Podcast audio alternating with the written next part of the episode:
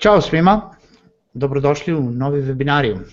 Moje ime je Željko Crnjaković i imam zadovoljstvo da, vas, da vam pošaljem dobrodošlicu u novo izdanje e, webinara, webinarijuma. Danas nastavljamo temu od pre sad već mjesec dana. Uh, pre jedno mesec dana imali smo e, za temu kako možete natrati da Google radi za vas, gde smo predstavili eh, neke od alata koje Google ima, za koje malo ljudi zna, a koje vam puno mogu pomoći u poslovanju. Eh, želim da se zahvalim prijateljima webinarijuma, Infostudu grupi korisnih sajtova i Altus Hostu eh, hostingu visokih performansi. Hvala im za prijateljstvo. Naš večerašnji gost po drugi put je Miroslav Varga iz Osijeka, iz Escape Studija. Miroslave, dobroveče. Lijep pozdrav vama i svima koji su trenutno live s nama. Hvala lijepo što ste došli ponovo ovaj, e, da budete naš gost i da nastavimo i zaokružimo priču koju smo počeli prošli put e, gdje smo pričali o Google alatima ali nismo stigli da uđemo u srž AdWordsa, da pokažemo šta je to AdWords, da pokažemo kampanje u AdWordsu i tako dalje. E, naše goste želim samo da zamolim da mi se kroz chat jave da li nas vide i da li nas čuju. Prošli put smo imali mali tehničkih problema, pa bih voleo samo da mi potvrdite da, da je slika prošla i da feed ide. Dok to uradite, znači ja ću evo, za kratko, Miroslave, da, da kažemo nešto o tome šta je to uopšte AdWords. Pa jedan od najjednostavnijih objašnjenja priča o AdWordsu je to je sve ono od čega Google stvara pare. To, to, ali to nažalost nije možda za publiku toliko interesantno, ali Google 90% svojih prihoda ostvaruje od AdWordsa, a radi se o jednom sustavu koji je predstavljen javnosti dvije, 2002. a služi tome da vi kao neko, netko koji je zainteresiran da se pojavite visoko u tražilici, Google plaćate određen iznos novaca samo da bi bili visoko u tražilici, e da bi bili među prvih pet morate platiti možda malo više nego da bi bili među od 6 do 11. Ono što je ključ kod Edwardsa i ono što je možda svakome od nas koji se koristimo s Googlom važno, e, milijardu ljudi praktički, 3 milijarde pretraga ima dnevno Google, a milijardu jedinstvenih korisnika e, dnevno bude na Google i može vidjeti tu neku poruku koja je fokusirana samo na neko određeno područje, može biti recimo u pitanju samo aerodrom u Frankfurtu i zato je, zato je taj sustav strašno efikasan. Ali pokazat ću malo na slajdovima e, kako to ide jer sam naravno pripremio opet jednu prezentaciju, ja ne znam uživo pričati na prezentaciju pa ću se prebaciti na prezentaciju, samo mi dajte željko feedback da li nas ljudi vide vide nas sve je u redu, dok vi uključite okay. prezentaciju, slobodno možete, ja ću usput da, vas, da vam postavim još jedno pitanje, Edwards kao, kako ste ga objasnili, on izgleda kao, on jeste jedan veoma moćan sistem, ali izgleda jako komplikovan. Za koga je Edwards? Da li je za svakoga ili samo za profesionalce, e, da li se svako može snaći, ne samo snaći, nego da li ga može iskoristiti? Pa nakon, nakon današnjeg recimo webinarijuma ja sam siguran da će svi koji su bili ovdje e, moći ga koristiti. To je otvoren sustav, za razliku od nekih drugih platformi kao što je Yandex ili, ili Baidu, to su isto tražilice u Rusiji i u Kini.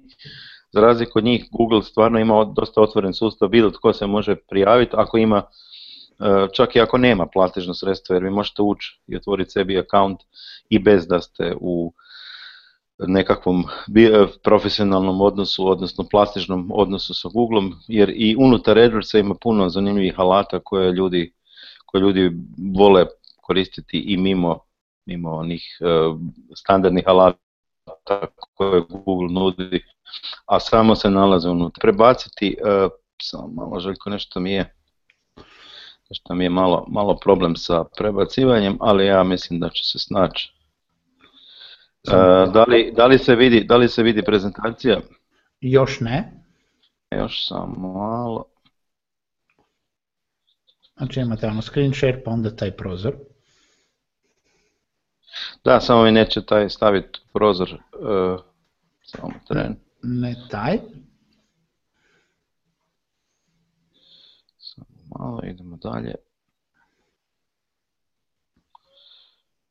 Da li se vidi? E, sad ste se vratili na kameru, znači bili ste na onom prozoru gdje je sam Hangouts, znači pokušajte samo još jednom da izaberete ovaj, onaj prozor koji je sa prezentacijom. Da li se vidimo? Da li je sad, sad sam ja izabrao taj prozor, da li je sve u redu? Ne, vidimo kameru, vidimo vas. O, šteta, baš mi je žao. samo polako, ovaj, tako da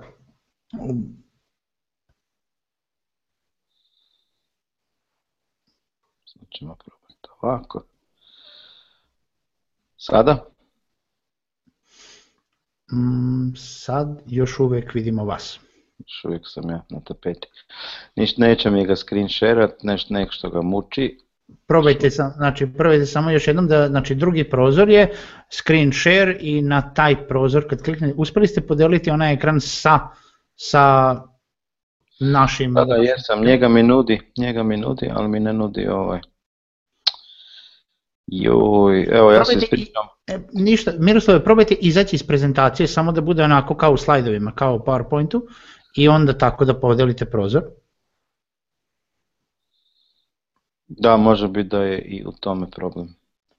Mm, Vjerovatno ga ne vidi kao, kao prozor, kao takav.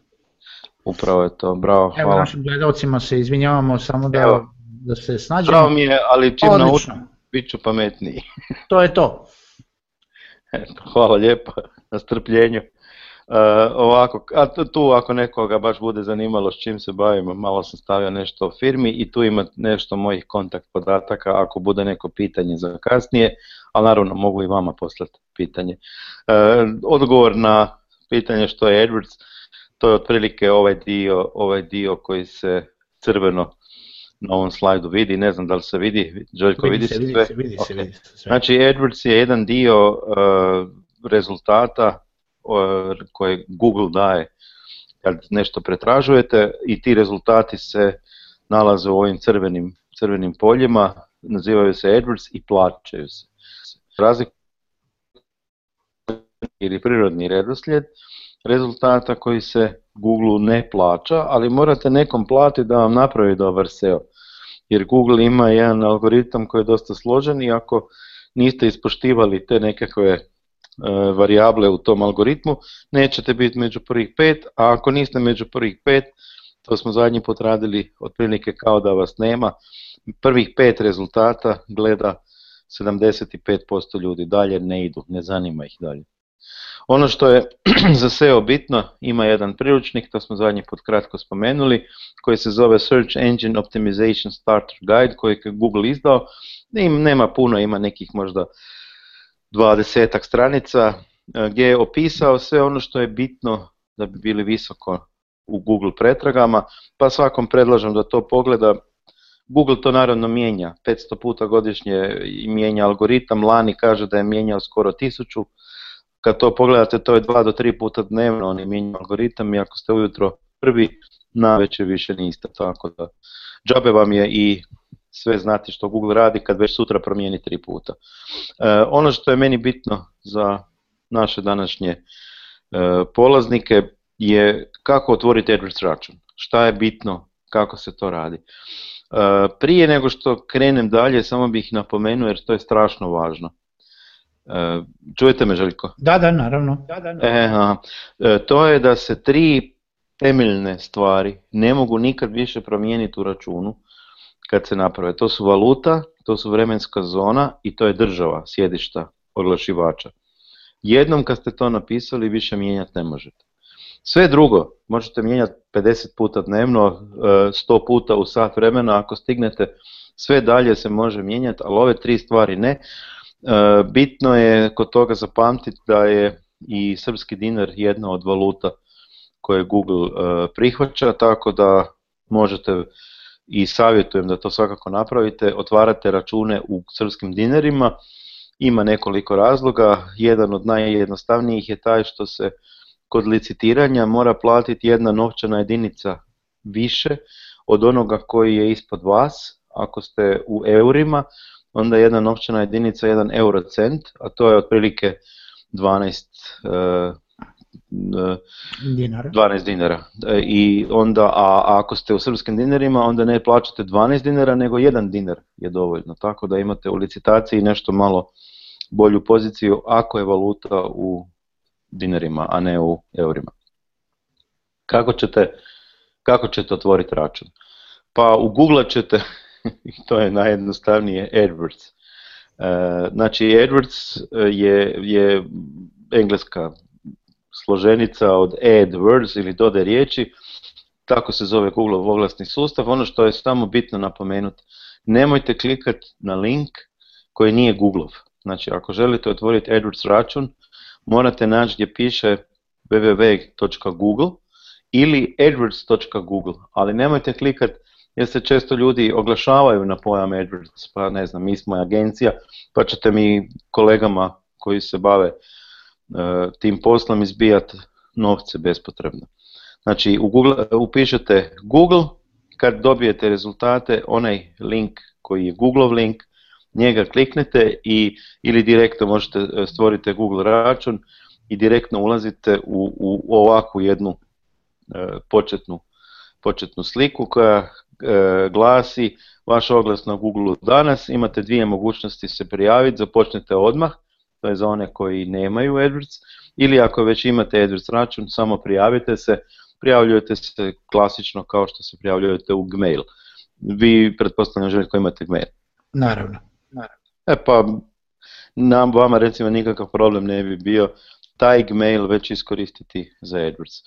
E, za početnike, za one koji nemaju AdWords račun, kliknu na započnite odmah i nakon toga dolaze u ovakvu jednu e, dobro, e, stranicu dobrodošlice gdje su te tri osnovne veličine ponuđene kao izbor po IP-u, po internetskoj vezi s koje se nalazite. Google će već predložiti unaprijed državu iz koje vidi da je IP meni je automatski ponudio Hrvatsku, vama će vjerojatno ponuditi svima Srbiju, meni je ponudio znači taj uh, Greenwich e, e, vrijeme, GMT2 smo mi, odnosno to kad sam radio prezentaciju, sad smo GMT1 i nudi mi valutu koja je odmah vezana uz IP adresu. Ovako otprilike izgleda početno postavljanje prva tri parametra s tim da pod e-mail adresu, možete unijeti bilo koju e-mail adresu. To ne mora biti Gmail adresa,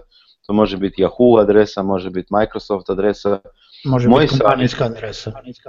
Može biti kompanijska adresa, ali je moj savjet da unesete Gmail, jer neki e, Googleovi e, alati koji se mogu povezati sa AdWordsom se puno lakše povezuju ako su preko gmaila povezani. Primjerice, ako imate Webmasters Tools ili ako imate Google Analytics ili ako imate YouTube kanal, ako imate to sve preko gmaila povezano, u AdWordsu je samo to klikanje e, praznih kućica. A ako nemate to u Gmailu, nego u kompanijskom recimo mailu, e onda morate čekati mail potvrde, pa kliknuti na link potvrde, pa ući u sučelje, pa reći da to je moja adresa, pa lozinku i tako dalje. Malo, malo vam zakomplicira život. Ne bit ne jako, ali ako to morate napraviti i za YouTube, i za webmaster Tools, i za Google Analytics, onda vam je to izgubljen maltene radni dan. Skoro. pa još nek internet ne radi, pa nek vam onda još krivo neko E, neko vas odvuče pa krivi link kliknete, sačuvaj me Bože. Nije komplicirano, samo je vremenski zahtjev. Znači, kad ispunite ove tri osnovne veličine, državu, vremensku zonu i valutu, na kraju dolje piše spremi i nastavi, kad to kliknete, dolazite na sljedeću, na sljedeću stranicu. Ta stranica je bitna iz dva razloga. Prvi razlog je, na njoj ćete vidjeti svoj korisnički ID, takozvani E, client ID ako je na engleskom ili to, to, to ste vi. Google kad s vama razgovara ili kad vi trebate Google, neće vas pitat e, ime oca, ime matere, krvnu grupu, nego će vas pitat koji vam je client ID. Čak i ako nazovete telefonski podršku u Google, koja je besplatna, u Hrvatskoj je to predbroj 0800, e, prije nego što dobijete agenta, traži vas robot, upišete svoj client ID i onda najčešće ljudi naravno ne znaju svoje klijenta di, moraju se vratiti u kampanju, tako da vam je dobro taj korisnički ID koji se nalazi gore desno, zapisati negdje, spremiti, imati pri ruci, jer to je vaše ime i prezime kad god nešto trebate od Azure sustava. E, s lijeve strane nalazi se ovako jedan lijepi sivi, sivi button, on izgleda ovdje malo plosnato, ali inače onako vidi se istaknut je. Kad njega kliknete, krećete u postupak izrade svoje prve kampanje. Da li je ovo vama Željko dosad izgledalo komplicirano? Naravno, ovo je veoma jednostavno, znači svako ko ima neko da otvori neki Gmail account, znači se susreo sa, sa ovim Kogod, se, je otvorio ikad Gmail account, je imao više komplikacija nego ovdje. Jer tamo je traženo i ime i prezime i provjera da li je mail već zauzet i ovdje vas niko ne pita kako ćeš nazvat, ćeš nazvat. Istina. Vaš, dobijete svoje client ID i gotovo.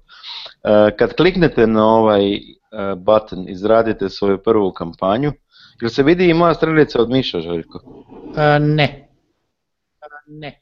Dobro, to, ja sam označio crvenom strelicom izradite svoju prvu kampanju. Kad to kliknete dolazite na sljedeći prozor koji izgleda ovako. E, u tom e,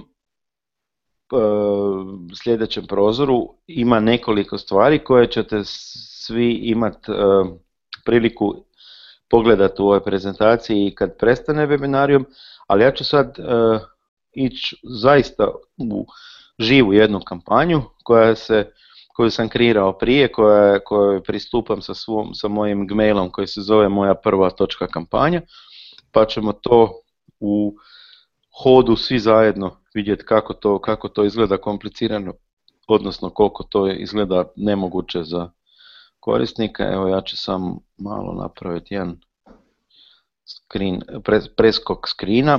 Evo dok ti vi to uradite, samo da, samo vi slobodno namislite, znači sad ćemo imati...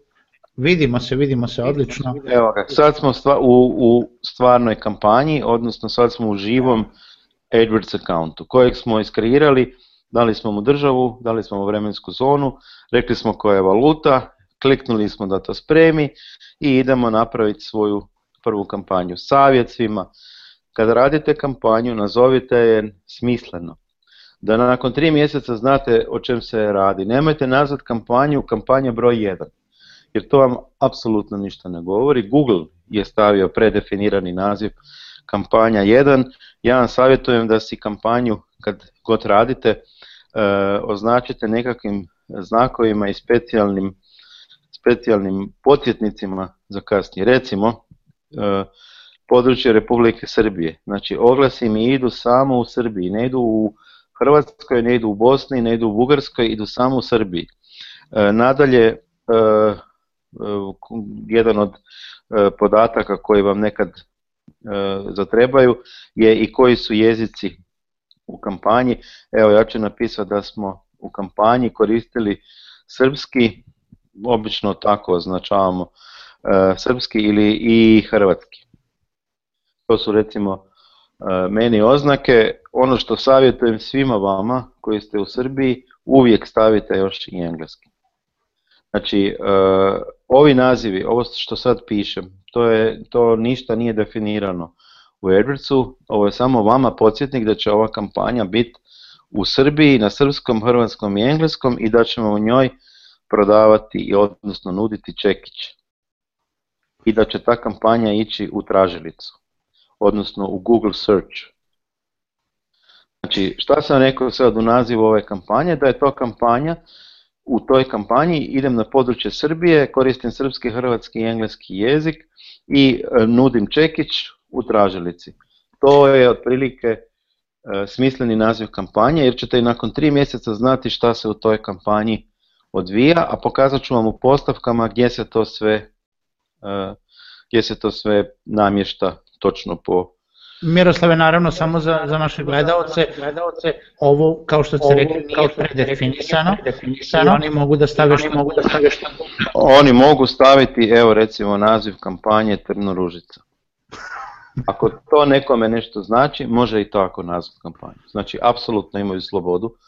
Služi isključivo i samo onome koji upravlja akauntom da zna šta se u tom akauntu, e, u toj kampanji događa, odnosno šta oglašava. Sad ću vam pokazati e, jednu vrlo, vrlo važnu e, osobinu koju Google e, nudi. Predefinirano je ovo, vi ćete isto imati na srpskom, možda na čerilici, ne znam, sad nisam u Srbiji otvarao nikad account, pa ne znam kako će izgledat sučelje, ali pretpostavljam da je na latinici i da je na, u najkavici. pretpostavljam. Ako nekome to nije E, prirodno, zvuči glupo, ali je tako.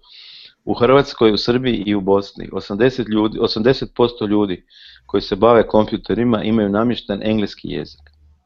Ja, ne, ja sam jako malo puta vidio da neko ima Word recimo na, na, na, na hrvatskom ili na srpskom. E, namješten e, funkcije u Wordu.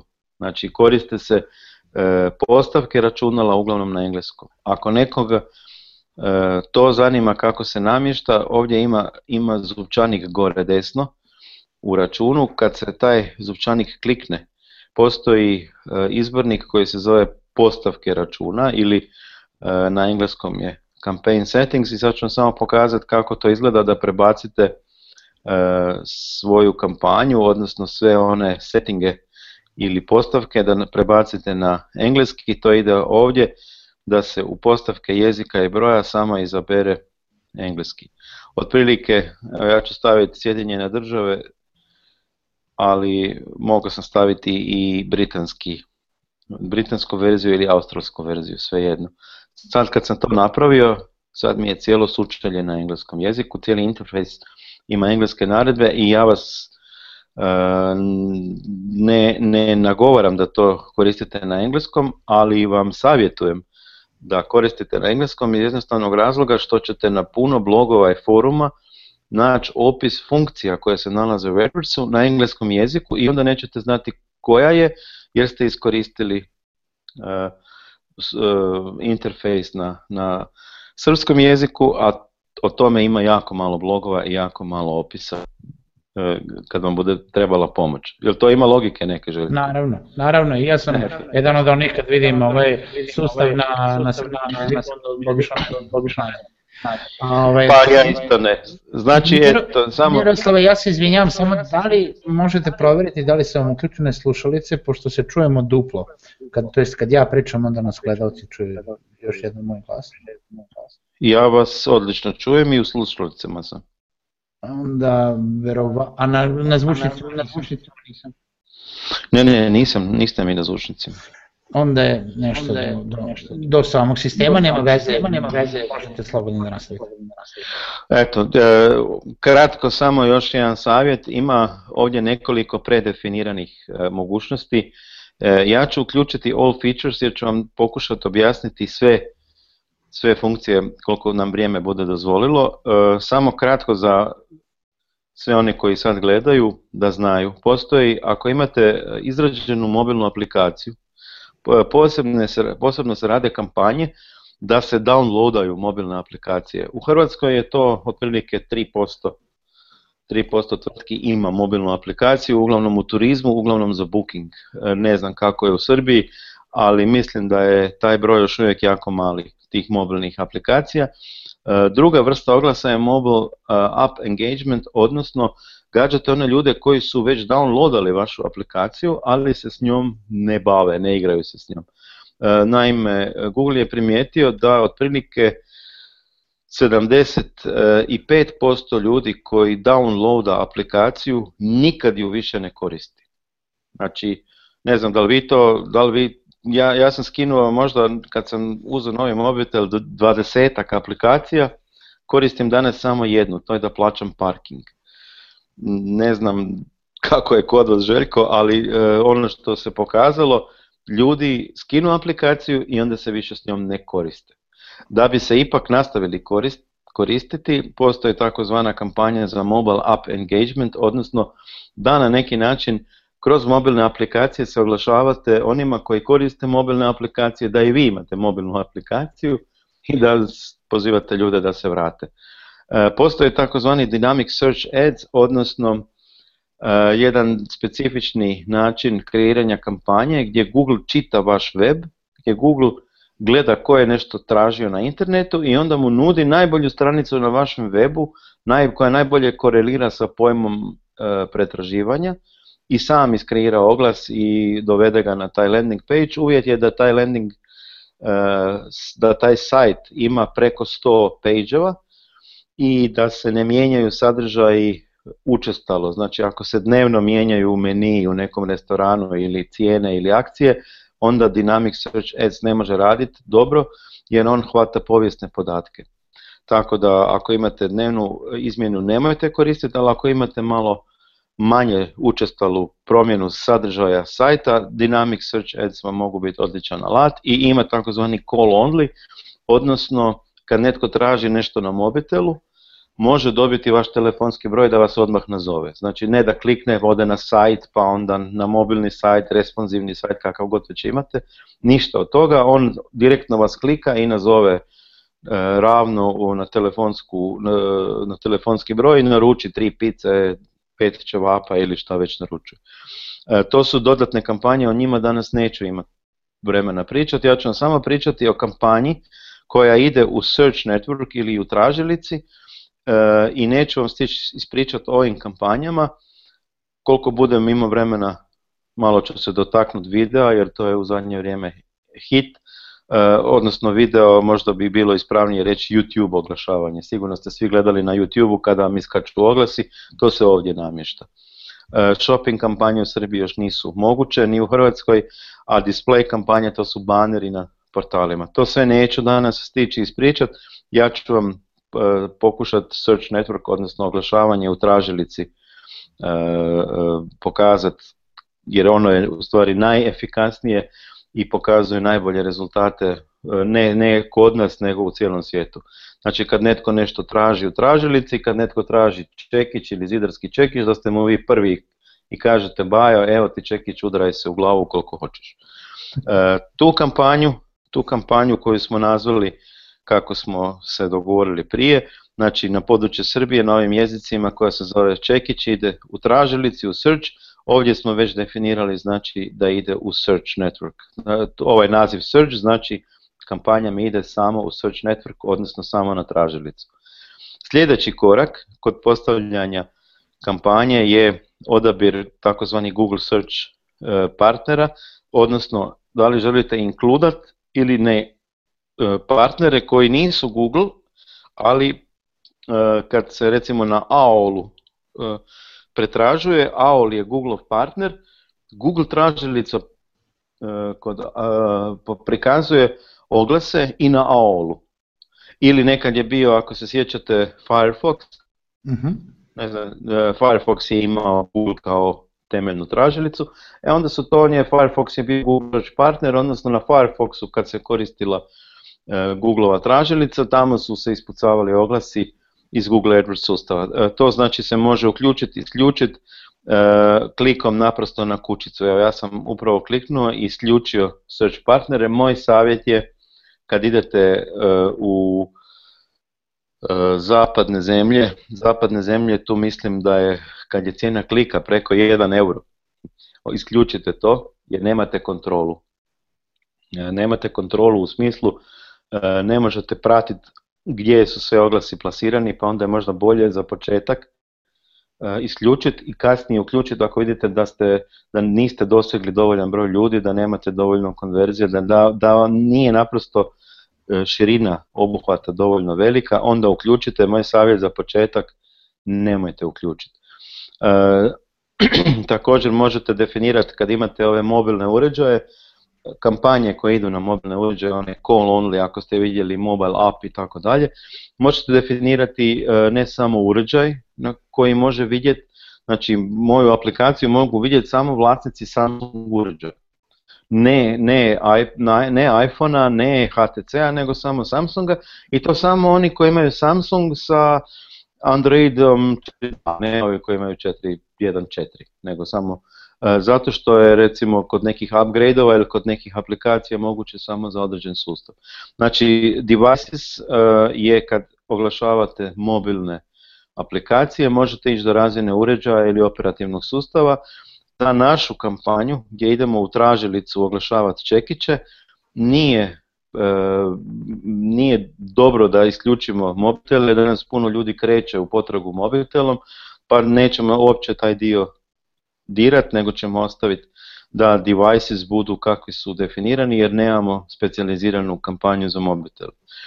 Kad hoćemo neku posebnu, eh, posebno područje, posebni geotargeting, onda ga naprosto Google mi je dao Hrvatsku kao predefiniranu jer me prepoznao da sam iz Hrvatske, ali ako ne želim Hrvatsku, ako želim da, mi, da moje oglase vide samo ljudi u Srbiji, evo ja ću ovdje napisati E, pišem sad na engleskom jer sam stavio sučelje na engleskom, napisao sam e, nekoliko početnih slova i on mi je odmah dao da mogu oglase pucat u Srbiju gdje ću doseći, odnosno reach, odnosno broj ljudi koji e, Google ima evidentirano po kukijima kao jedinstvene uređaje, ima ih 2 milijuna i 180 tisuća.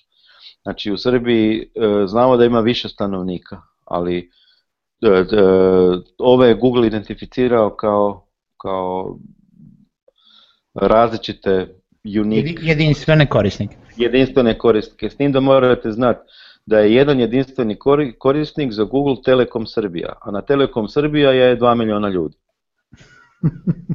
I u tom je, tu, u tom je jedan od razloga zašto je toliko, toliko, mali rič. I onda ko Telekom monopol.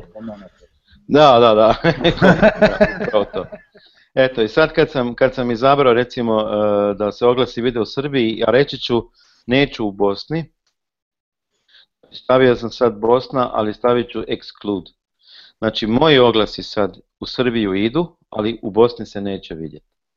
E, zašto sam e, naglasio da ne u Bosni?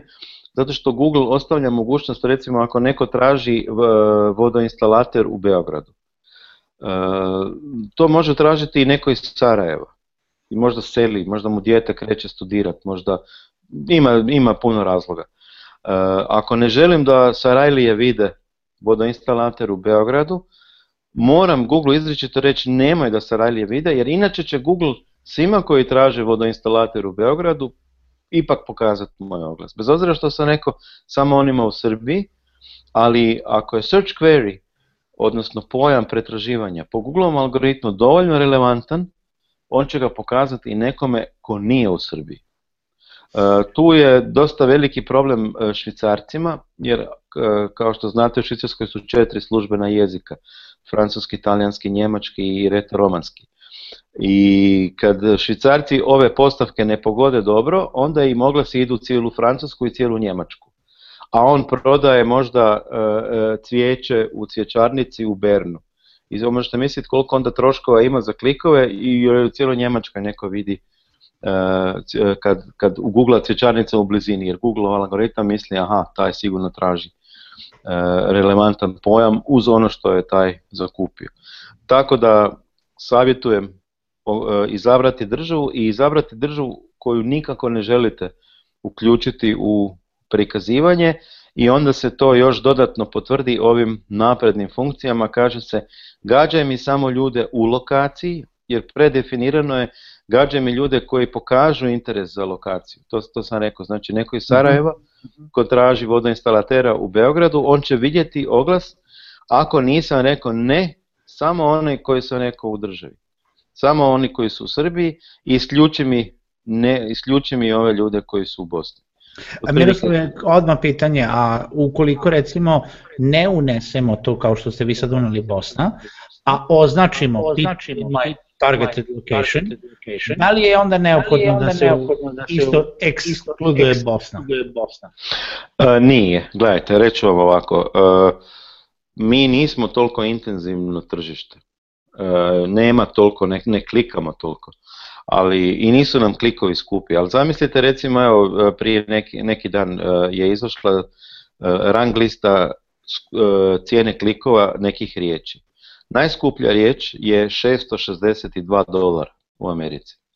Radi se o nekom odvjetničkom, odvjetničkoj usluzi i sad, a vi ste odvjetnik u Atlanti, a netko traži istu tu uslugu, ne znam, odvjetnik za životno osiguranje u Njurku. I sad vi plaćate 600 dolara u Njorku, ali nikad vam neće taj postat klijent jer u Njorku ima 100.000 odvjetnika, a vi ste u Atlanti i onda vi morate ići baš ovako fino isključivati. Onome koji kod nas oglašava ipak je nekakva komocija e, tu jer je niska cijena klika i nije toliko, nije toliko bitno, tako da ako i ne napravite ovo što sam pokazao, ništa strašno se neće dogoditi, možda će pokoji Sarajlija kliknuti.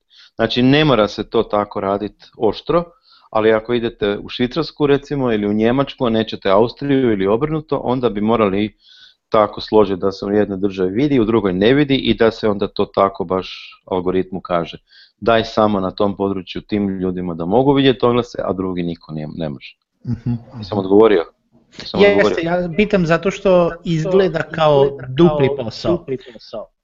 Izgleda, eh, izgleda kao dupli posao, ali ako to ne napravite, znači ja mogu sad reći samo ljudima u mojoj lokaciji, ali ipak će propustiti, neki će proći, mhm. proći mhm. naprosto zbog nekih razloga, eh, jer su vrlo relevantne, relevantni pojmovi traženja, a da vam ne kažem da Telekom i u pograničnim europskim područjima nisu baš načisto.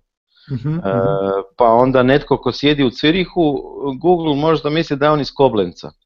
Jer je Deutsche Telekom i tu i tamo najveći provider, a ne da se baš svakome tamo IP range e, svaki dan pregleda, dnevne serveri, bog zna kakvi su, i onda ispada da je IP range nekog područja, u stvari to, u Hrvatskoj je to tako, nama ispada da je 95% ljudi u Hrvatskoj živi u Zagrebu. Jer se te komu ne da gnjaviti, ajde sad šta. I isto i kod nas. Svi smo Slično i kod vas i, i, ovo je, a bi rekao, e, duplo osiguranje da se ne dogodi ono što ne želite, ali nije uvjet, mislim, neće se tu strašno dogoditi, vani će se možda malo više dogoditi. mm Ovdje imamo uh, sljedeću mogućnost izbora jezika. Rekao sam otvorio sam, evo sad da vidite koje se jezike podržava. Google rekao sam da za područje e, ovih naših e, država e, Bosna, Srbija, Hrvatska uvijek trebate uključiti engleski i lokalni, znači kod vas obavezno srpski i engleski, jer srpski ima manje ljudi u Srbiji namješteno na računalu nego engleski. Isto je u Hrvatskoj, isto je u Bosni, jedino Slovenci, oni, ajde, oni su malo malo više vole taj svoj jezik, pa onda kod njih je otprilike 70% Slovenaca i 30% Engleza. U Hrvatskoj je otprilike dvije trećine e, e, Hrvata, e, dvije trećine Engleza, jedna trećina Hrvata, a u Srbiji je otprilike četiri petine Engleza i jedna petina Srba. Što se tiče računala, namještenog jezika na računalu. Znači savjetujem ako oglašavate u Srbiji, srpski i engleski pod obavezno. I pošto sam nazvao našu kampanju koja se sjeća e, hrvatski, engleski i srpski, znači jezike srpski, hrvatski i engleski, kasnije nakon tri mjeseca da ne moram ovdje opet se na namjestit ću sad srpski, hrvatski i engleski kao jezike koje koristim u svojoj kampanji. Evo ga. I time sam objasnio sad e, e, naziv kampanje koja se odnosi na odnosi na Srbiju, znači samo na Srbiju, vidite kako sam uglate stavio, samo u Srbiju namještena su ova tri jezika. E, to je meni podsjetnik, znači zato sam i tako kampanju nazvao. Svim vašim e, gledateljima preporučam da za početak kad, kad krećete u oglašavanje i ne znate puno, stavite ovdje AdWords will set my bids E, automatically. Znači, nećemo ići na manually, nego ćemo pustiti AdWords sustavu da radi. E, e, dok ne steknete malo iskustva, nemojte se igrati ručnim postavkama dok ne znate 100% što radite, jer nekad ručne postavke mogu biti jako skupa greška, jako skupa igračka.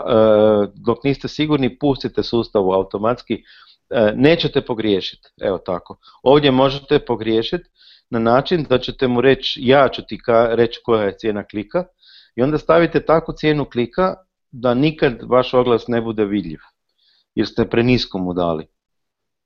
To je jedna od najčešćih grešaka.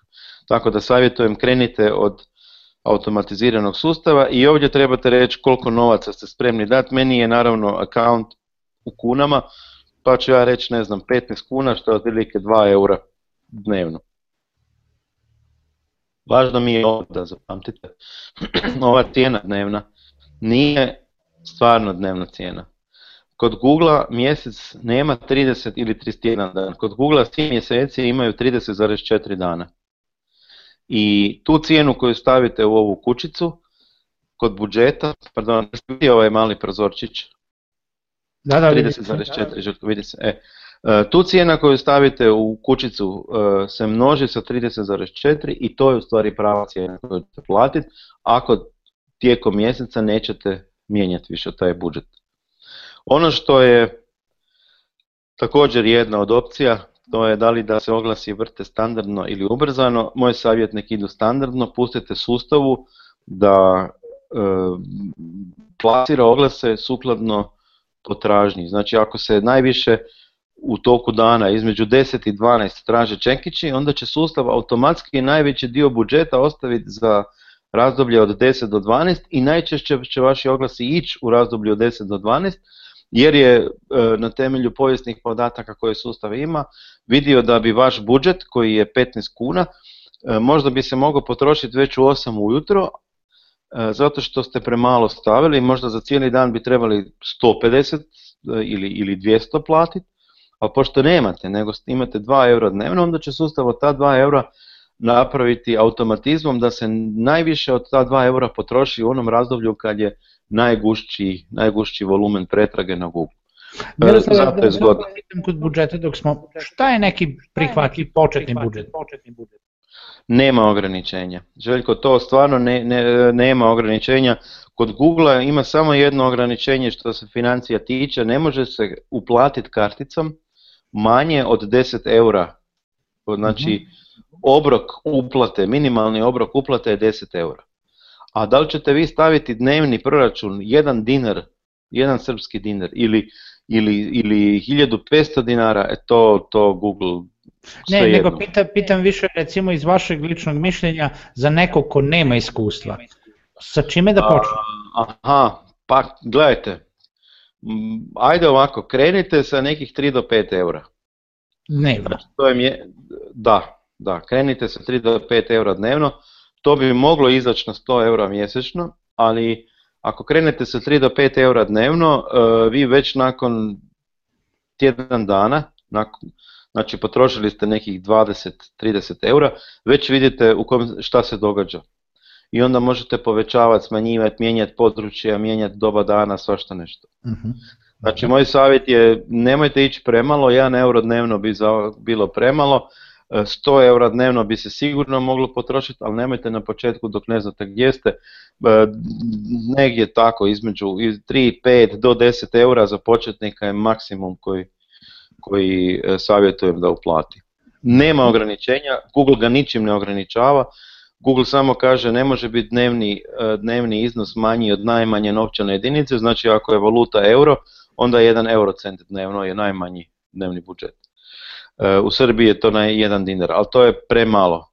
5 eura bi možda bilo malo, malo, malo bliže onom optimalnom, ali ne volim da ljudi na početku ulažu puno i onda brzo izgube puno novaca, nemaju efekta i onda kažu Google mi je uzeo, a nisam ništa imao. Nije istina, nego nisi znao što radiš, a pustio si sustavu da, da guta novac. Da.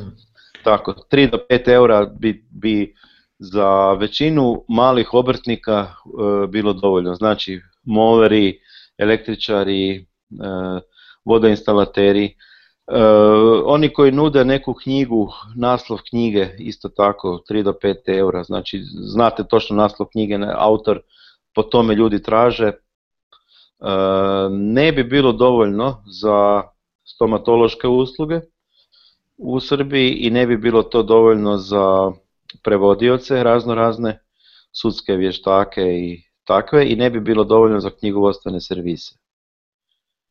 Znači, mhm. ako knjigovodstveni servis u Srbiji želite oglašavati, e, velika je konkurencija, ispod 20 eura dnevno nemojte ni ići.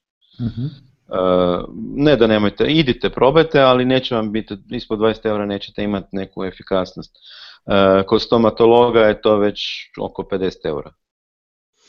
Dobro. Tako da, e, da. Ja uspio da kažem svim našim gledalcima, slobodno postavljate pitanje u chat, mi imamo još jedno 20 minuta do pola sata, pa ćemo onda preći na pitanja.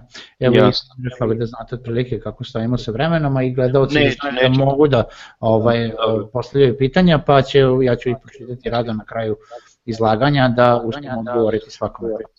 Neću probiti ovaj put bez brige Željko. Dobro. Inače, e, još jedna stvar, ovdje su takozvane e, proširenja ili extensions ovo ako popunite, a savjetujem sve popuniti, i ove ovaj call, i, i ove follow, šta koji znači piše u ovom upitniku. Znači, pored svake funkcije ima jedan mali upitnik, jer se vidi kad se ovaj upitnik e, otvorio se prozor. E. Znači, ko zaboravi što sam ja pričao, samo Miša stavi iznad upitnika i sve ću mu pisati o čemu se radi. E, naime, e, ove, ove funkcije, site call extension, E, reviews i call out, e, naći ćete možda najbrže ako odete baš na Google i napišete recimo review, review engine, e, vidite ovo što piše, je tako? Da, da. da, da. možda primijetite, znači review extension imate ove slike koje pokazuju kako izgleda u oglasu review extension. Znači, evo šta je review extension. E, dodatak oglasu, nekakva dodatna poruka. Konkretno review je neko drugi o vama nešto pisao, samo možete engleske izvore citirati, ne možete još srpske niti hrvatske. E, ono što je bitno, bitno je da zapamtite da sve ovo što upisujete ovdje donosi dodatne bodove, odnosno smanjuje cijenu klika. Ne morate to unositi, ali ako to ne unesete, onda ste među onima koji plaćaju više. I tu ovdje, e, ovdje ćete odmah sad vidjeti jednu prednost da imate Gmail kod location extensiona. Ako imate e, Google plus My Business ili Google My Business e, mhm. account, znači otvorili ste sa istim mailom kao što ste otvorili kampanju, otvorili ste i Google plus profil, odnosno page, odnosno company page odmah ovdje samo kažete evo od tog maila mi poveži i kad kliknem ovdje da, dan, onda mi sad povezao Google Plus sa AdWords računom. Pošto ja nemam, to je izmišljena web adresa, izmišljena firma, onda neću to sad povezati, ali može se dodavati e, lokacije i preko poslovne adrese, ali onda nekad morate slati čekat dok vam Google pošalje razglednicu sa kodom, potvrdom da je to adresa stvarna i tako nešto više manje komplicirano. Najjednostavnije je kad imate kreirane svoje Googleove račune, onda samo ovdje sa klikovima povezujete sa AdWords sustavom. I ono što vam je e, jedna od zgodnih mogućnosti to je da nekakve kampanje, odnosno nekakve poruke idu samo do određenog dana. Primjerice, ako imate parfem za Valentinovo, glupo, da ga je, glupo vam je prodavati za Valentinovo. E, naprosto imate nekakve prigodne ili novogodišnje aranžmane u nekom hotelu, nećete prodavati e, za Valentinovo, jer je nova godina već iza vas. Tako da ovdje možete unaprijed postaviti e, datum završetka vaše kampanje. Znači, na, na taj dan koji ste stavili u, u 24.00 kampanja stane i dalje više ne ide. To je zgodno za nekakve takve akcije i prigodne, prigodne poruke. Add delivery, čisto da vam kažem, ostavite ga na optimiziranom za početak. Ja koristim eh, isključivo ovaj zadnji, zadnju opciju, ali to znači da svaki dan morate ući u račun, pogledati što vam se događa u računu i onda određene akcije poduzimate. Ko nema vremena i nema dovoljno znanja, neka to pusti sustavu za početak i nek samo prati šta to sustav radi, brzo će, najbrže će naučiti prateći i gledajući e, Azure sustav, jer je taj algoritam dosta dobro posložen. Moj kolega u firmi Davorin voli reći, tako je dobro posložen da nema šanse da Google izgubi. Tako da, e, ali je stvarno, stvarno je e, vrlo sofisticiran i ne, neće vam napraviti loše u smislu da ako imate plan uložiti, da nećete taj plan moći ispuniti e, zato što ste nešto krivo postavili. Ako mu date slobodne ruke i kažete imam toliko para, sustav će to savršeno potrošiti. Eto, da, da publika zna neka Da se ne brinemo o tome. Da... Ne brinite se, da, ostavite znači, ovaj optimize for clicks, znači e, šta će sustav raditi, e, imate nekakve ključne riječi, recimo zidarski čekić, e, limarski čekić, e, šta ja znam, bravarski čekić i samo čekić, to ste si uzeli kao ključne riječi, a sustav vidi da ljudi najviše puta upisuju samo čekić i onda će više novaca dati toj ključne riječi i, i pustiti nju češće u, u opticaj jer to ljudi traže i sustav daje ljudima što traže. Kad su ove postavke završene, znači ovo glavno smo prošli sve, E, isključiti partnere, staviti državu, e, izabrati jezike i staviti dnevni, dnevni proračun. Kad to završite, svakako ovo sve popunite što možete, idete naprosto na spremi i nastavi ili save i continue. Kad to kliknete, dolazite na, drugu, na drugi korak. Prvi je bio kreiraj kampanju, a drugi korak je kreiraj e, oglasnu grupu ili ad group. E, Šta je oglasna grupa? Oglasna grupa je e, skup nekoliko riječi koje okidaju prikazivanje dva oglasa najčešće. Nemojte ostaviti samo jedan, jer ako imate jedan nemate s čim usporediti. Nemojte napisati 50 oglasa, jer ako imate 50 klikova dnevno, to znači da je svaki oglas dobio jedan klik. I iz toga ne možete ništa zaključiti. Ali ako imate dva oglasa, a jedan je dobio 40 klikova, drugi 10, e iz toga možete zaključiti da je jedan četiri puta zanimljiviji nego drugi. Pogotovo kad skupite dovoljno statistike. Eto, ja ću sad samo, e, pošto nemam, tu sam ostavio grešku, nemam završetak, uh, save and continue i idem na drugi korak, idem kreti oglasnu grupu. Mhm. Oglasna grupa isto tako treba imati samo svoje, svoj naziv koji će meni kasnije kad budem gledao pomoć da shvatim šta imam. Rekao sam da mi je ovo kampanja koja nudi čekiće, evo ja ću ovdje napisati bravarski čekić. Znači to je samo meni podsjetnik da u, toj kampanji oglašavam, nudim bravarske čekiće i onda e, ovdje pišem svoj oglas koji će glasiti recimo ovako.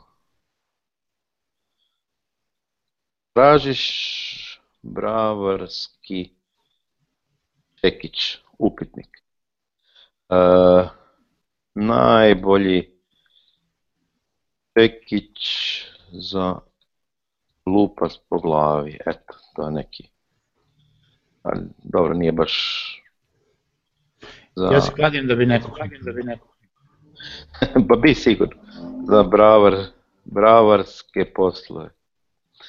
Kao što vidite, najbolji čekić za bravarske poslove je nekakva moja poruka koja je relativno dosadna, ali onom koji traži dobar čekić njemu je ta poruka super bitna i još ću ovdje napisati isporuka na vrata e, u e, ovaj, državi. Ne znam, jel sam to dobro mhm, složio. dobro. Ono što Uh, uh, treba mi zbog primjera, pa ću ovako, za bravore Najbolji čekić za bravare.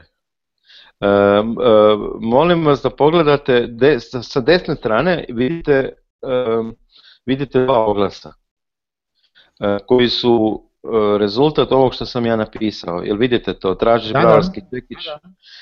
Pogledajte, molim vas, gledajte na donji oglas, a ja ću staviti samo u ovaj description line 1 stavit ću Google znak da je ova rečenica završila. Stavit ću točku u ovom slučaju. Pogledajte kad stavim točku šta se dogodi. Jeste vidjeli? Uh-huh. uh U donjem oglasu je ova sad description line 1 skočila u prvi red. Šta je Google primijetio? Kad je ovaj prvi red dugačak, ljudi nekako više vole kliknuti.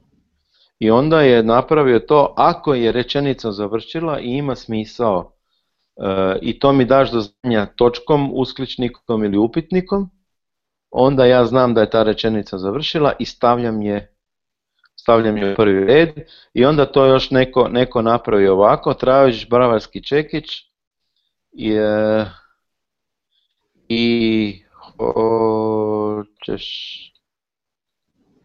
Uh, hoćeš... Ne smijete napisati najbolje. Možete napisati najbolje samo ako, eh, ako imate potvrdu nezavisne institucije da je zaista najbolji i hoćeš da bude odličan. Evo. Sad ćete vidjeti kako izgleda moj prvi red. Vidite kako izgleda. Tražiš bravarski čekić i hoćeš da bude odličan. Eh, Google je prepoznao da je upitnik završetak rečenice i stavio mi je sve u prvi red. Pogledajte što će mi napraviti sa uskličnikom. Maknut ću upitnik i upisat ću uskličnik. Uskličnik mi nije htio napisati, zato što Google ne dozvoljava da uskličnik bude u prvom redu. Znači ne, ne smijemo ovdje napisati, to ima u prezentaciji svi ti uvjeti, e, tako da morate paziti kod te interpunkcije da udovoljite Googleovim pravilima, a opet da vam oglas izgleda zanimljivo i atraktivno da ljudi kliknu. E, ono što sam ja vidio e, i to savjetujem svima, najjači motivator e, da ljudi kliknu je znatiželja i neki, neka od emocija, strah recimo je vrlo često dobar motivator, strah ili humor ili ljubav ili takve neke stvari. Recimo ono što sam kod Valentinova, čisto da znate, e, najbolje mi klikaju u Srbiji e, vjerojatno djevojke i u Hrvatskoj i u Bosni. Nema nikakve razlike. Djevojke klikaju, e, traže u Google šta kupiti momku ili šta kupiti dečku za Valentinovo. To je search query ili pojam koji traže, a najbolje reagiraju imam savršen poklon za njega. Ili imamo savršen poklon za, za njega. Eh, ili imamo eh, strašan dokaz tvoje ljubavi. E, to klikaju da su tako, oduzele se djevojke, nije bitno. Ovdje display URL, evo ja ću sad izmisliti neku firmu koja se zove čekić.rs, eh, vjerojatno ne postoji, ali evo, nije bitno. Znači, display URL je ono što u oglasu kao, kao adresa, da, da onaj koji zna E, koji klikne da zna gdje će sletit, a ovdje u final URL se napiše točno e, puna adresa gdje će stvarno neko sletit, evo ja ću ovako napraviti. Možda postoji na toj stranici neka, neka stranica koja se zove Čekić Bravarski, e sad točno onaj koji traži Bravarski Čekić treba sletit na sadržaj koji je Bravarski Čekić. Time je oglas završen, i ostaje samo da izaberemo ključne riječi koje će ga okidat. Evo ja ću sad pokazati samo ove oblike. E, možete napisati ovako. Bravar i Pekić. Šta to znači? To znači da kad netko googla e, bravarski čekli, čekić, da se naš oglas ispucava. Evo, jel se, jel se vidi malo bolje vidi Se, vidi se. Znači, kad neko upiše u Google bravarski čekić, pokazat, vidjet će ovaj oglas. Tražiš bravarski čekić i hoćeš da bude odličan. Eto, to je naš oglas. Kad netko bude tražio u Google čekić za bravare, puta će se naš oglas. Znači, ovdje pišem pomove koje očekujem da neko googla kome hoću pokazati svoju poruku. Problem kod ovih ključnih riječi kakve sam zapisao je taj što su u takozvanom broad obuhvatu širokom obuhvatu. Šta to znači? To znači da može biti u search query bilo pojam bravarski, bilo pojam čekić. Pa možda će moj oglas vidjeti i neko ko traži bravarski škrip ili, ili e, e, bravarski bravarski, ne znam, alat ili, ili bravarske mlaznice, nemam pojma što se bravari. Znači, ne mora biti čekić. Bilo što što ima veze sa bravarijom će mi biti u stanju okinuti oglas. Ali ja to možda ne želim jer nemam škripove, imam samo čekiće u ponudi. Isto tako će mi neko tražiti možda u Google čekić za meso. Pošto ja imam u brodu čekić, moguće je da će mi ova ključna riječ ispucat moj oglas da imam bravarski čekić. A on je tražio čekić za meso ili bad za meso, nije bitno. E, ovaj oblik kaže Google, da li je bravarski, da li je čekić ili sinonim, možda nije bravarski, nego je, e, nije, možda nije čekić, možda je bat, možda nije bravarski, nego je šloserski. E, bilo koji sinonim ili bilo koja riječ okida prikazivanje oglasa. Ako ja to ne želim, ako želim da moj oglas okine samo onome koji je tražio bravarski čekić, onda to moram algoritmu reći i to mu kažem na ovaj način. Sad sam rekao algoritmu, ko traži bravarski čekić, ništa više, ništa manje, ili ko traži čekić za bravare. Jel vidite što sam napravio? Da, da. Stavio I to sam sad rekao sustavu. Ne možeš mi nikome oglas pokazati, osim onim ljudima koji su tražili bravarski čekić ili čekić za bravare. A šta ako neko traži kvalitetni bravarski čekić? Je li mi taj zanimljiv? Pa je.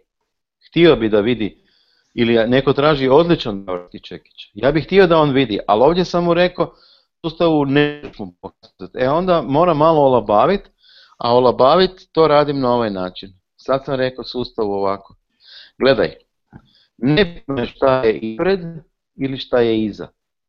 Možda je neko tražio sljedeće.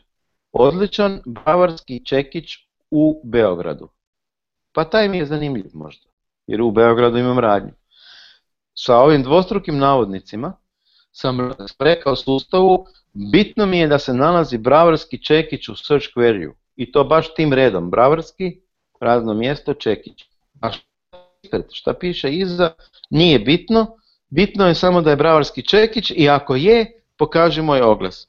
Isto tako vrijedi i za ovaj drugi izraz, gdje sad sam omogućio da moj oglas vidi svaki onaj koji traži odličan čekić za bravare, ili jeftin čekić za bravare, ili kvalitetni čekić za bravare, ili najbolji čekić za bravare, nije bitno. Samo da piše čekić za bravare, tup ko piše čekić za bravare, moj oglas mu se pojavi na Google tražilici. I postoji još jedan oblik, ovaj oblik se zove phrase ili usmjereni, postoji još jedan oblik koji kaže ovako, baš me briga šta traži, da li jeftini, da li skupi, da li E, čekić bravarski ili bravarski čekić, sve jedno je. Bitno je da u search query u pojmu pretraživanja bude riječ bravarski ili bilo koji padežni oblik jednina i množina, znači bravarski čekić. E, e, e htio bi se igrati s bravarskim čekićem i to bi okinulo i tako dalje. Znači bitno mi je samo da u search query bude neka neki padežni oblik ili jednina množina bravarski i neki, e, neki oblik riječi čekić. Isto tako i ovdje, znači bravarski i bravare, to bi vjerojatno, to bi vjerojatno prepoznala ova ključna riječ. Znači to je, čak bi i za čekić za bravare ova prva riječ kinula. Ovo je po meni e, za nekoga ko ne zna dovoljno o tržištu i ne zna dovoljno o Edwardsu, možda najbolji oblik ključnih riječi. Znači, mora mi tražiti bravarski i čekić u bilo kom redoslijedu, u bilo kom padežnom obliku, ako je tražio, tup, nek se ispuca moj oglas koji glasi traži bravarski čekić.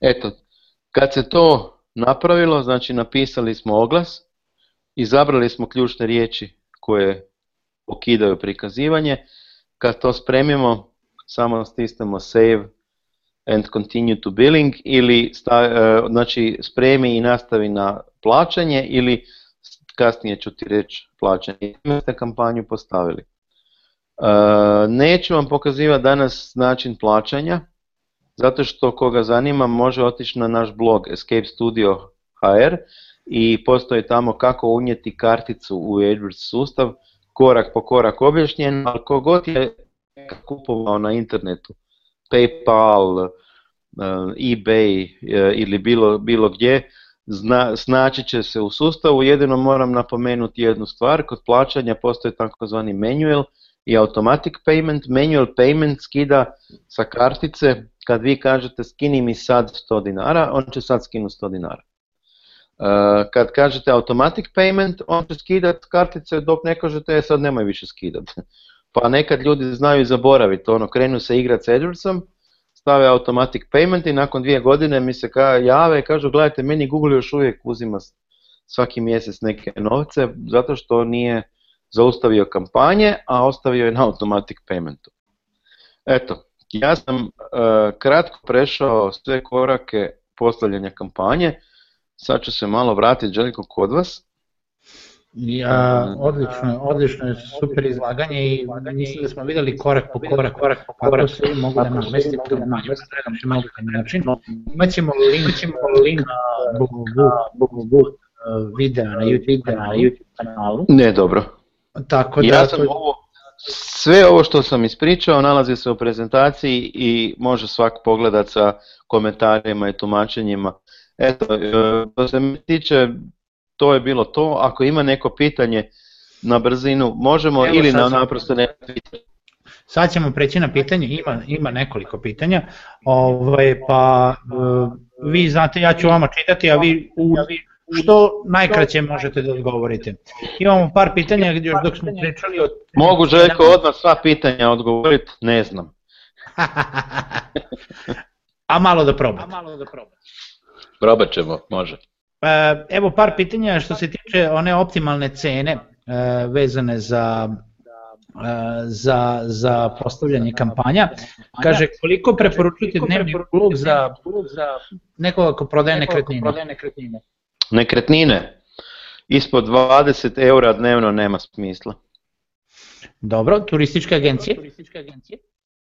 E, ovisi koje aranžmane. Ako, ako nude aranžmane skijanja u Švicarskoj, treba će im malo jer je mala potražnja, ali ako nude na, na Jahorini ili, ili na Kronplacu treba će im više jer je velika konkurencija. E, između 15 i 20 eura. Dobro, recepti. Recepti. E, sad, 5 eura dnevno. Ako prodaju knjige sa receptima, onda možda malo više, ali ako nude čisto recepte, 5 e, eura dnevno, pa možda i 3 bi bilo dovoljno. 3, 3 je dovoljno. Eto, toliko o, o cenama. Kaže, kada pravimo AdWords nalog, da li je bitno da li ga vežemo za personalni ili kompanijski Gmail nalog? E, gledajte ovako, kod postavljanja plaćanja i u jednom od traka piše da li ste e, fizička ili pravna osoba. I sad, ako ste fizička osoba, za nas u Hrvatskoj, pošto smo u Europskoj uniji, stiže iz Dublina račun, u Dublinu je sjedište Google, sa PDV-om u Irskoj. Vama, pošto ste u Srbiji, je potpuno svejedno, jer vama neće zaračunati PDV. Mhm. Znači, e, kod postavljanja e, uvjeta plaćanja, e, možete ići kao fizičko lice, ali preporučam da ako je za firmu AdWords kampanja, nek bude odmah firma u u, u nalogu opisana kao nositelj, kao porezni broj, jer će vam to e, trebati kasnije kod obračuna troškova. Pogotovo kad ti troškovi postanu malo veći, a primijetio sam neko krene recimo za 5 eura dnevno, a vrlo brzo dođe na 500 ili, ili 1000 čak ako se bavi nekim ozbiljnim e, poslom, jer mu se ovo jako dobro, jako dobro vraća, onda ima problema pravdanja tog troška. Tako da savjetujem ono što je, ako oglašavate za firmu, upišite odmah to kao pravnu osobu. Dobro, kaže, ako radimo na primjer sa dva klijenta Google kampanje, da li to možemo raditi sa istog akaunta, a da se račun, odnosno mesečna naplata može razdvojiti? E, ne možete razdvojiti, morate otvoriti dva akaunta, ali za one koji imaju više klijenata savjetujem da si uguglaju e, Google AdWords MCC, MCC. MCC e, je nešto kao krovni account u kojem onda možete slagati više akaunta. Dobro. Pa ulazite, ulazite u MCC, a onda imate unutra 200 300-500 klijenata koji svaki ima svoj account i svaki ima svoju karticu. Odlično. Ili istu karticu, svejedno. Mhm. Koliko se isplati povećati cenu klika za određenu riječ ako je konkurencija veća, jer se opet može desiti da se bude ispod, ispod izlistane organske pretrage. E, može se desiti bez obzira koliko klik stavite, e, Može se desiti da ste ispod, e, zato što ne utječe samo cijena klika na poziciju, utječe i takozvani e, quality score koji je uvjetovan relevance in landing page quality e, vrijednostima i može vam se dogoditi da nikad nećete biti na prvom mjestu nego uvijek ispod organskih. Vidite koliki vam je quality score na ključnim riječima ili ocjena kvalitete, mislim da se tako zove na, na srpskom i provjerite svakako e, takozvani Auction Insights Report koji se nalazi e, pod keywordsima u izborniku, e, potražite, proguglajte Search Query Report i Auction Insights Report kako doći do njih, pa pogledajte koliko imate konkurenciju, ako imate veliku konkurenciju moguće je da vam neće pomoć povećanje bida, nego morate onda neke druge stvari napraviti recimo atraktivniju web stranicu, e, odnosno poveća takozvani landing page quality sa riječima koje se nalaze ili relevance oglasa ili razbiti je u ad grupe puno finije i tako dalje. Mm, od čega zavisi da li je side ili top ad, da li mi to podešavamo ili Google postavlja? To je isključivo u Googleovoj nadležnosti. E, vrlo je velika vjerojatnost da će quality score 7, 8, 9 ili 10 biti među prva tri. A ako je ispod toga quality score, onda će biti ili desno ili na dnu. Ali na dnu nije loše. E, ono što smo mi e, istraživali, vidjeli smo, pogotovo zbog mobitela, jer ljudi danas idu s mobitelom samo gore-dole, da je dobro imati oglas na vrhu ili na dnu bolje nego sa strane desno. Tako da, a to ovisi o Googleovom algoritmu, znači koliki, koliki vam je ad rank i kako je Google procijenio sa uređaja s kojeg se traži, dalje bolje da je sa strane ili je na, ili dnu. E, u Srbiji je malo reči koje odobrava Google AdWords i u vezi prezentovanja posla. Kako to prevazići? Kako to malo? Pa mislim, e, što se AdWordsa tiče, ograničenje je 5 miliona keyworda po jednom akauntu. Znači ne možete imati više od 5 milijuna, ako, ako se sad dobro sjećam, a to praktički niko nije ispunio. Niko, ni, ni jedan jezik nema više od 5 milijuna keyworda. Ne vjerujem da e, gledalac misli na keywords nego na možda riječi koje Google zabrani.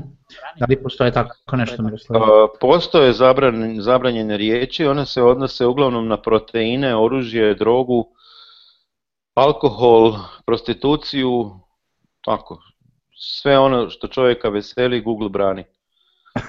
Tako da. Dobro. E, koliko savjetuje da se maksimalno postavi ključnih riječi u kampanji?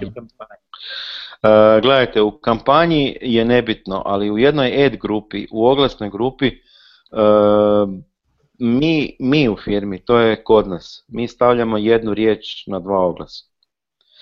E, ne bi trebalo po Googleovim preporukama ići na preko 10 do 20 riječi u jednoj ad grupi, ali ad grupa može biti 25.000, 50.000 koliko već u kampanji. E, moj savjet je da u jednoj ad grupi nemate više od 3 do 5 riječi koje su vrlo usko ciljane vezane uz sadržaj oglasa. Znači da imate riječ koju imate zakupljenu, da vam se nalazi i u oglasu i da se nalazi i na landing page Onda će vam biti najmanja cijena klika. Ehm, šta savjetujete za početnike? Facebook ili AdWords? Ovisi čim se bave. Ako imaju room party u petak, u birti u kvartu, onda nek idu na Facebook, jer neće niko googlat gdje ima večeras room party.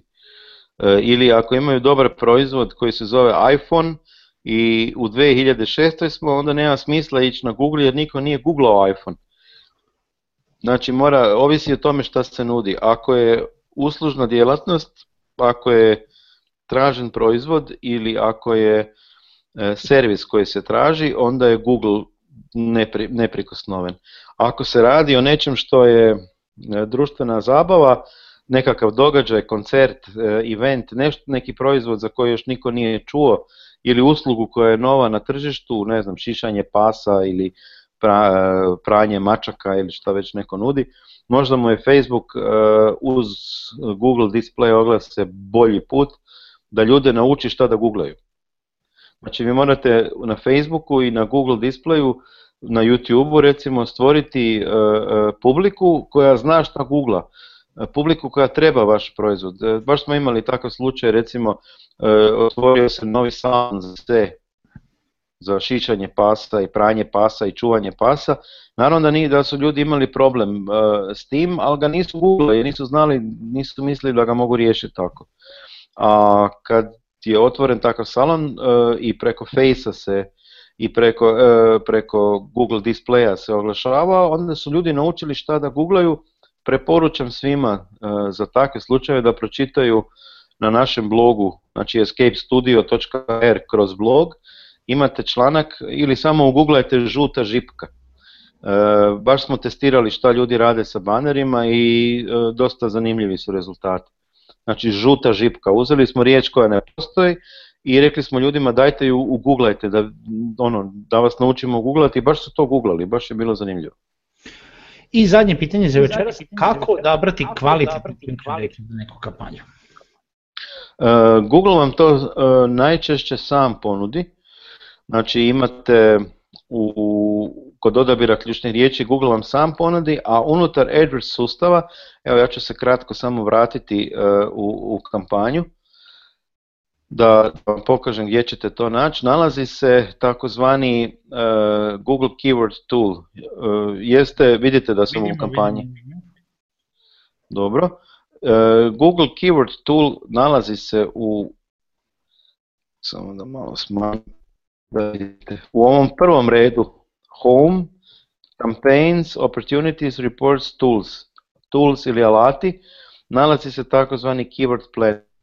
I to je najbolji alat za pronalaženje ključnih riječi e, koje su bliske ili koje su tražene. Jer vi nekad recimo e, proizvod koji se zove e, čekić, ali Google zna da je čekić jednako bat i da svi traže bat ili macolu, nije bitno. I onda će vam Google sam reći nemoj nuditi ti ne traži, nego nudi macolu, to ti je pravi izraz za ono što, ili obrnuto, slak sve jedno. E, nalazi se vidjeti find new keyword, search for new keywords using a phrase ili website ili kategoriju. Znači možete reći fraza mi je čekić ili moj sajt je taj, ajde ga pročitaj pa mi predloži, ili kategorija, ja sam turistička agencija, mi reci šta se traži u tom mom poslu i znači po tim, po tim podjelama je najbolje, najbolje pitati Google šta on misli e, o, o tome. Evo, to je jedan stvarno e, moćan i savršen alat za to i evo imamo dopunu pitanja za ono e, pitanje da Google brani neke reči, kaže ne odobravaju se reči tipa zarada, posao preko interneta i slično, na to sam mislio i onda je teško namestiti naslovi keywords. Aha, ne, gledajte, E, nisu te riječi zabranjene, one se mogu uzeti, samo se ne smije napisati u oglas. Pogotovo se ne smije u oglas napisati brza zarada bez muke iz e, kućnog e, kauča, sjedeći za televizorom ili do miliona bez pomuke muke, to Google brani. To su, to, to su problematični izrazi zato što one spadaju pod takozvani Ehm, Google policy koji zabranjuje lažno oglašavanje. Ehm, u kategoriji su čajeva za mršavljenje, skini 100 kila za dva dana i tako. Znači, brza zarada, brzo mršavljenje, ehm, kod Google je zabranjeno takozvanim e, polisijem lažnih obećanja. Pa to bi bilo to. E, ja moram da se zahvalim svim našim gledalcima što su bili večeras sa nama. Nadam se da ste nešto novo naučili, nadam se da ste vidjeli kako to ući u AdWords, kako napraviti nalog, kako na najlakši način stvoriti kampanju i da za svakog ko želi da proba oglašanje, oglašavanje i ovim putem da smo malo demistikovali ovu veoma moćnu i kompleksnu platformu e, koju možete koristiti iako ste početnik, a možete veoma, veoma iskoristiti ukoliko ste uh, neko eh, ko se bavi profesionalno eh, i nudi neke stvari putem interneta. Naravno, pričali smo u prošlom webinaru o tome da svakom poslu godi internet, znači nije samo to da li se bavite nečim, da ste na internetu, da se bavite it da se bavite nečim, neko ukoliko nudite proizvode, ukoliko nudite usluge, internet je sada vaša desna ruka i ništa bez interneta. Želim da se zahvalim našem gostu. Miroslave, hvala vam lepo što ste bili naš gost. Ja se izvinjam, Miroslav je...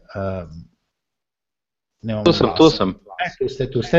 Super, hvala što ste bili naš gost i što smo kompletirali na ovaj, na ovaj, ovaj, ovaj Google, Google i Hvala vama na pozivu. Prezentovali. Hvala vam na pozivu, bilo je super. Čujemo se Željko. Hvala i svim gledalcima, vidimo se na sljedećem webinarijumu za dve nedelje, pričamo o nečemu novom. Prijetno i... Prijetno i...